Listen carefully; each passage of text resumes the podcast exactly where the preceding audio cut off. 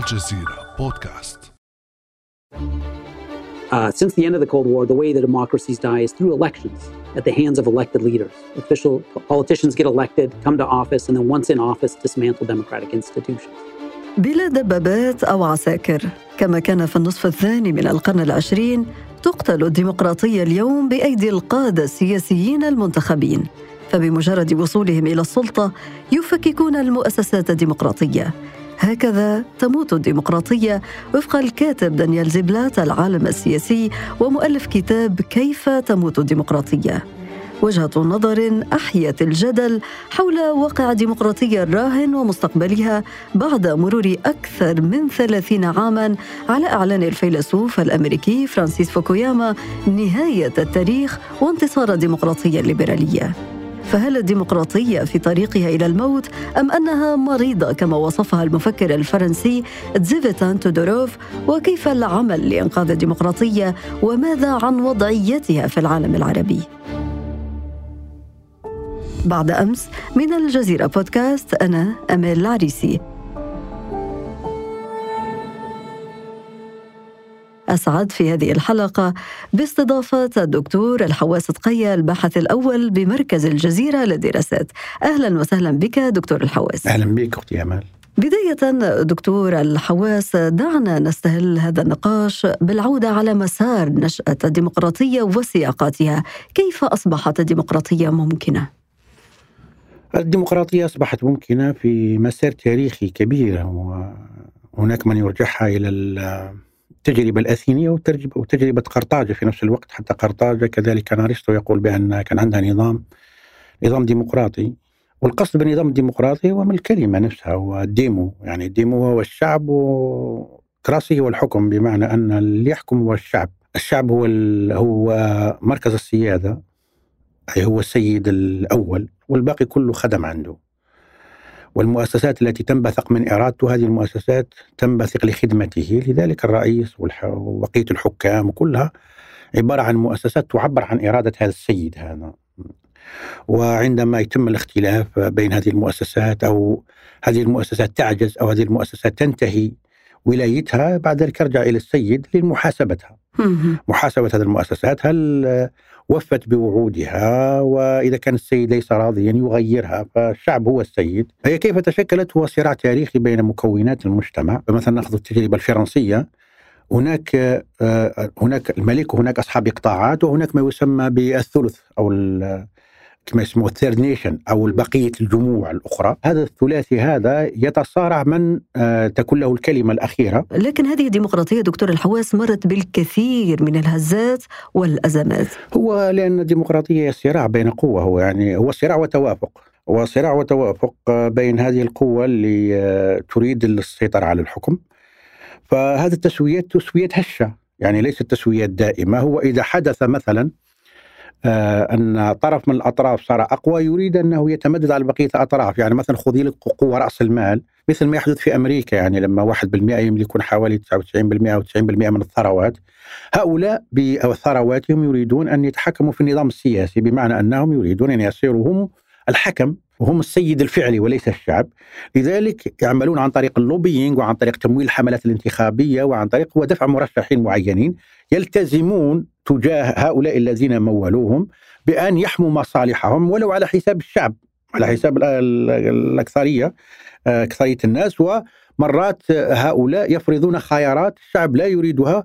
فهذا أحد أسباب المرض الديمقراطي وهو التفاوت في الدخل. آه، آه، هذا التفاوت في الدخل يزيد من أمراض الديمقراطية لأن بعد ذلك الناس إذا رأوا بأن هذه المؤسسات التي من المفترض أنها تمثلهم وتخدمهم ليس لا ليست خادمة لهم وإنما تخدم عدد قليل على حسابهم.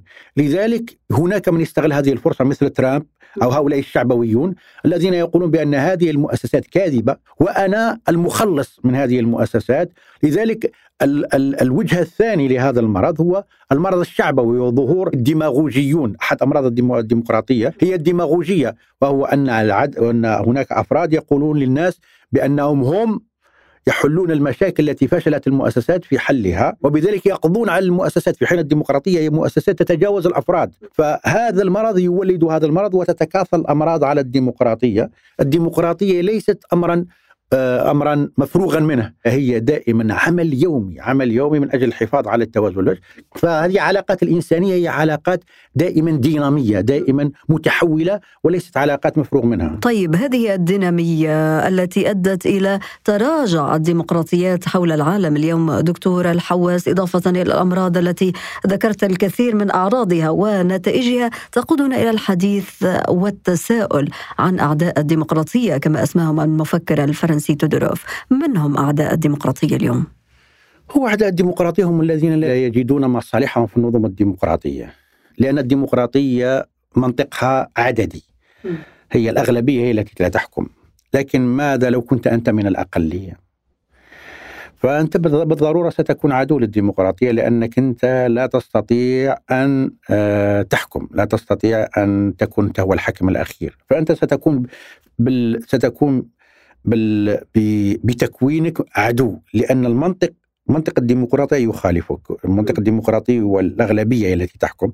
فإذا أنت كنت أقلية يعني مثلا أقلية مالية لا تملك هذه الأصوات فأنت ستكون معادي للديمقراطية أو سيكون لك ميل.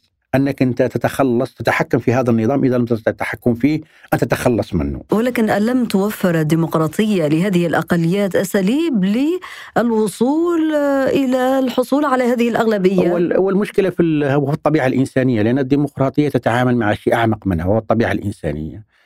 يعني لما الواحد يصل إلى الحكم يريد أن يبقى فيه، لا يريد أن يذهب من الحكم.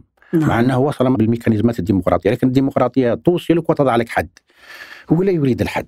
يريد أن يبقى. لذلك هو يرى بأن النظام الديمقراطي الذي أوصله صار عدوا له لأنه هو يقول له باللي نوصلك بالانتخاب ولكن تنتهي عودتك وتحاسب. فهو يريد أن يأخذ من الديمقراطية ما يساعده وعندما ينتهي الانتقاء تجد نفسك بأنك وصلت إلى النظام الاستبدادي لأن النظام الديمقراطي بعد التنقيحات حسب المصالح الشخصية وحسب الرؤية الفردية بعد ذلك لا يبقى منه شيء لأنه بعد ذلك سيتحول الحكم إلى حكم فردي أو حكم مجموعة بعد هذه الانتقاءات التي يصورونها على أنها لا تخدم مصالح الشعب وأنها تفرض تفرض قيودا على هذا الحاكم الذي يريد أن يبقى من أجل تكملة مهامه في خدمة الشعب وغير ذلك من الخطابات. ف الخطابات الشعبوية. الخطابات الشعبوية التي يعني تصير تصير بعد ذلك مخ... خطابات تقضي على النظام الديمقراطي، يعني النظام الديمقراطي هو باكج وعبارة عن مجموعة كاملة أنك تصل ولكنك بعد ذلك تذهب وأنك مقيد. وأنك لأن هناك برلمان يراقب وهناك تحاسب. فهذه كلها هو لا يريد البقية ويريد فقط جزء منها يريد فقط ما يساعده. لذلك المشكلة أن الطبيعة الإنسانية أعمق من الديمقراطية أنك تبقى داخل الحكم وأنك لا تكون عليك قيود هذه طبيعه انسانيه هناك مقولة شهيرة لأحد المفكرين يقول لا لا تمدحوا ولا ولا تذكروا المستبد بفضائل الحرية. لا تتعبوا أنفسكم لأنه يعرفها. بدليل أنه لا يريدها إلا لنفسه. في الديمقراطية هي المشكلة فيها بالنسبة لهذه المستبدين هي أنها توفر لهم نصيبا فقط من الحرية، هم يريدون كل الحرية، لكنهم إذا أرادوا كل الحرية يأخذون حرية الباقين التي تضمنها الديمقراطية، وهذه طبيعة إنسانية يعني هذه لا علاج لها. مشكل تعاني عميق هذا طبيعي هذا الطبيعة الإنسانية. مشكل عميق ومزمن يمكن القول ولكن من هذا المنطلق هل يمكن أن نقول أن الديمقراطية في ورطه اليوم ومهددة بالزوال أم أن هذه هذه القراءات والكتابات سابقا هو حكاية أن الديمقراطية مريضة وستموت هذه ليست جديدة لأن لأن الشعبوية ليست جديدة حتى من وقت اثينا هناك من هناك من الخطباء من كان دائما يقول بأنه هو الممثل الحقيقي للناس وأن المؤسسات هذه مؤسسات ضعيفة وغير تمثيلية وفاسدة هذا ليس جديدا. وحتى الحركات الشعبوية في أمريكا ظهرت ظهر شعبويون أشبه بترامب من قبل في, في القرن التاسع عشر. فهذا ليس جديدا. الديمقراطيات تمرض ولكن الفرق بينها وبقية الأنظمة الاستبدادية أن الديمقراطيات تمرض وتتعافى أو أن عدد الديمقراطيات التي تتعافى أكثر من عدد الديمقراطيات التي تموت. في حين الأنظمة الاستبدادية عدد الأنظمة الاستبدادية التي تموت أكثر من عدد الأنظمة الاستبدادية التي تبقى حية. لماذا؟ لأن الديمقراطية عبارة عن شبكات. بمعنى أن الديمقراطية هي كأنها جسم يفرز يفرز المؤسسات، يعني ذهب هذا الرئيس نختار رئيس جديد، البرلمان هذا فشل نختار برلمان آخر، فهناك جسم يخرج المؤسسات، لكن في الأنظمة الاستبدادية هناك واحد يقضي على كل المؤسسات، إذا حدث له شيء تندلع الحرب الأهلية، لأنه لا توجد بين الناس مؤسسات تحكم بينهم وتضمن حقوق الناس، فهو يعمل على أنه يكون الشخص الذي لا يمكن الاستغناء عنه. لكن بفعله هذا إذا ذهب ينهار البناء. هو في رغبته أنه يكون لا خطر عليه يقضي على كل المنافسين. ويقضي على كل المؤسسات ويجعل من نفسه أنه لا غنى عنه حينما ينجح في أنه يكون لا غنى عنه يعني مثل ما نرى الآن بوتين أنه لا غنى عني روسيا من غير لا شيء لكنه هو المشكل هو أنه بيولوجيا سيذهب. ماذا يحدث؟ هذا الذي صار لا غنى عنه أنه يرحل لسبب من الأسباب. البناء كله ينهار في الأنظمة الديمقراطية. يرحل شخص يرحل أشخاص والنظام يظل يشتغل لأنه نظام ليس مركزي. هو عبارة عن شبكات هذه الشبكات تتجدد وتعوض المفقود منها. هذا هو الفرق بين الأنظمة الديمقراطية والأنظمة الاستبدادية. طيب إذا كانت الأنظمة الديمقراطية لها من الآليات ومن الإجراءات والتقاليد ما يجعلها تحمي نفسها ما يجعلها تقاوم كل هذه النكسات والهزات. فبماذا تفسر أنه فور وصول حاكم إلى السلطة عبر الأدوات الديمقراطية وفي مقدمتها الانتخابات؟ سرعان ما ينقلب على هذه المؤسسات. لهذه الدرجة هذه المؤسسات الديمقراطية هشة وضعيفة؟ على حسب على حسب مدى تجذرها. لكن لماذا إحنا نحن تحدثنا من قبل عن لماذا؟ لأن الطبيعة البشرية كل واحد يريد أن يحصل من الحرية على أكبر ما يستطيع. لذلك هو لما يصير رئيس يجد هناك قيود. هو يريد أن يكون أكثر حرية. هذا قلنا في الطبيعة الإنسانية. فلذلك يبدأ يتخلص من القيود من البرلمان من الإعلام من القضاء من المحامين. هو يرى بأنها كل هؤلاء عبارة عن دول موازية. هو لا يرى بأنها في النظام الديمقراطي تسمى سلطات مستقلة ولها وظائف مراقبة الحاكم حتى لا يجعل السلطة تخدم شخص تخدم مصالحه ومصالح القريبين منه. هو يرى بأن هذه المؤسسات هي عبارة يسميها بعد ذلك على أنها دول موازية ليست دول. يعني في أمريكا الكونغرس ليس دولة. لذلك ولكن يقيد الرئيس. الإعلام في أمريكا ليس دولة ولكنه يقيد الرئيس. ويراقب. يراقبه. القضاء ليس دولة. لكن المستبد يصور على أنها كأنها دول تهديد. كأنها دول تريد القضاء على النظام هو الذي يقضي على النظام لأنه هو لما جاء هذه المؤسسات موجودة. طيب خلينا نحكي الموجودة. على أمثلة في العالم العربي م. وكأن كل هذا الحديث الآن يقترب من حالات عربية بعينها خاصة منها الحالة التونسية اليوم التي كانت تبعث الأمل في كونها تجربة ديمقراطية قطعت مع كل بقية التجارب التي تعثرت والتي شهدت حروبا أهلية وما إلى ذلك. والحالة التونسية هذه حالة حالة من حديثة من حالات لكن ليست آه، خاصة بالعالم العربي كما ذكرنا هي حالات كثيرة. مثل الذي سبق إلى الفوز بالانتخابات ثم الانقلاب عليها هو هتلر. هتلر فاز بالانتخابات ثم بعد ذلك انقلب عليها لما صار مستشارا. فليست هي الحالة الأولى وهناك حالات سابقة. في تونس هي حالة كذلك هي حالة انقلاب. لكن آه، تونس المشكلة فيها وهذه أحد مشاكل الديمقراطية هو أن في تونس وهذه حاولت الديمقراطية أنها تتعامل معها. المشكلة في تونس التي أوصلت إلى ما نحن عليه هو أن في تونس هناك استقطاب حاد. هناك مجموعة لا تريد المجموعة الأخرى أن تحكم ولا لا تعترف تكاد لا تعترف بها. يعني هناك استقطاب إيديولوجي ما بين علمانيين أو يساريين وبين إسلاميين وكل ما جرى في تونس وهذا السبب بالذات. فهذه الخطيئة الأولى في الديمقراطية التونسية هو هذا الاستقطاب الداخلي الذي يعني ظل ظل ظل يسكن آه، نفس التونسيين فكل واحد يريد أن يعطي ضمانات أو يريد أن يحصل من ضمانات للبقية ولا يريده أن يت... أن يتولى الحكم حقيقة. لما يكون البرلمان هكذا متصدعا ويكون البرلمان لا يستطيع أن يحكم تكون الحكومات هشة، فلذلك التجربة الديمقراطية في تونس لم تكن النتائج بقدر الآمال لأن الحكومات كانت هشة. هذه الخلافات وهذه المخاوف المتبادلة وهذا العجز المتبادل هذا لأنه ناتج عن عن عن صدع أو عن استقطاب داخل المجتمع التونسي هو الذي جعل بعد ذلك آه، أعطى فرصة لأحد يقول بأن هذه المؤسسات فاشلة وأنا هو المخلص اللي هو اللي هو الخطاب الشعبوي الذي نعيشه حاليا. ثم لما تولى هو السلطة بعد ذلك أول شيء عمله هو أنه يقضي على المؤسسات لأنه يقول بأن هذه المؤسسات ظهرت بأنها فاشلة وظهرت بأنها فاسدة وأن هذه المؤسسات هي عبارة عن دول داخل الدولة وأن الممثل والحاكم الحقيقي والراعي الحقيقي لمصالح التونسيين هو أنا الرئيس الذي أعلم مصالحهم والذي انتخبت وبذلك الرئيس الذي الذي وصل إلى الحكم بطرق ديمقراطية هو الآن يقضي على المؤسسات التي اوصلت وحتى على الدستور الذي بسببه وعلى أساسه وصل إلى الحكم يقول بأن هذا الدستور يعني من أسوأ الدساتير. نعم وتمت صياغة دستور جديد انتكست الديمقراطية نعم، في تونس. هل ما زالت الشعوب العربية تواقه إلى الديمقراطية؟ هو اللي جاوب على هذا السؤال هناك يعني نستطيع أن نستعمل مؤشرين هو المؤشر الآن يعني علماء السياسة يستعملونه لأنه يعني من من الوضوح بحيث لا يمكن ليس نظريا. والسؤال هل الناس يأتون إليك كم يرحلون عنك؟ يعني حتى تعرف من هو النظام الذي يريدونه يريده الناس. يعني اسال الناس في العالم العربي وفي غيره منها من هي ما هي الدول التي تريد الهجرة إليها والعيش فيها وتبحث عن جنسياتها وتبحث عن الحصول على تأشيراتها. لا, لا سيقول لك يعني الدول الغربية والدول الأوروبية. تسأل لماذا يقول لك لأن هناك حقوق هناك أمن هناك عدالة هناك مؤسسات فعالة. فالغرب الغرب هو هو الأنظمة الديمقراطية. يعني لا تجد أحد يقول لك والله أريد أن أهاجر إلى كوريا الشمالية مثلا. لأن هو هي إذا كان النظام الاستبدادي هو أفضل الأنظمة كما يصورونه لا يوجد نظام استبدادي مثل نظام كوريا الشمالية. يعني كم من واحد يريد الهجرة إلى كوريا الشمالية؟ كم من واحد يريد أن يكمل حياته في الصين مثلا؟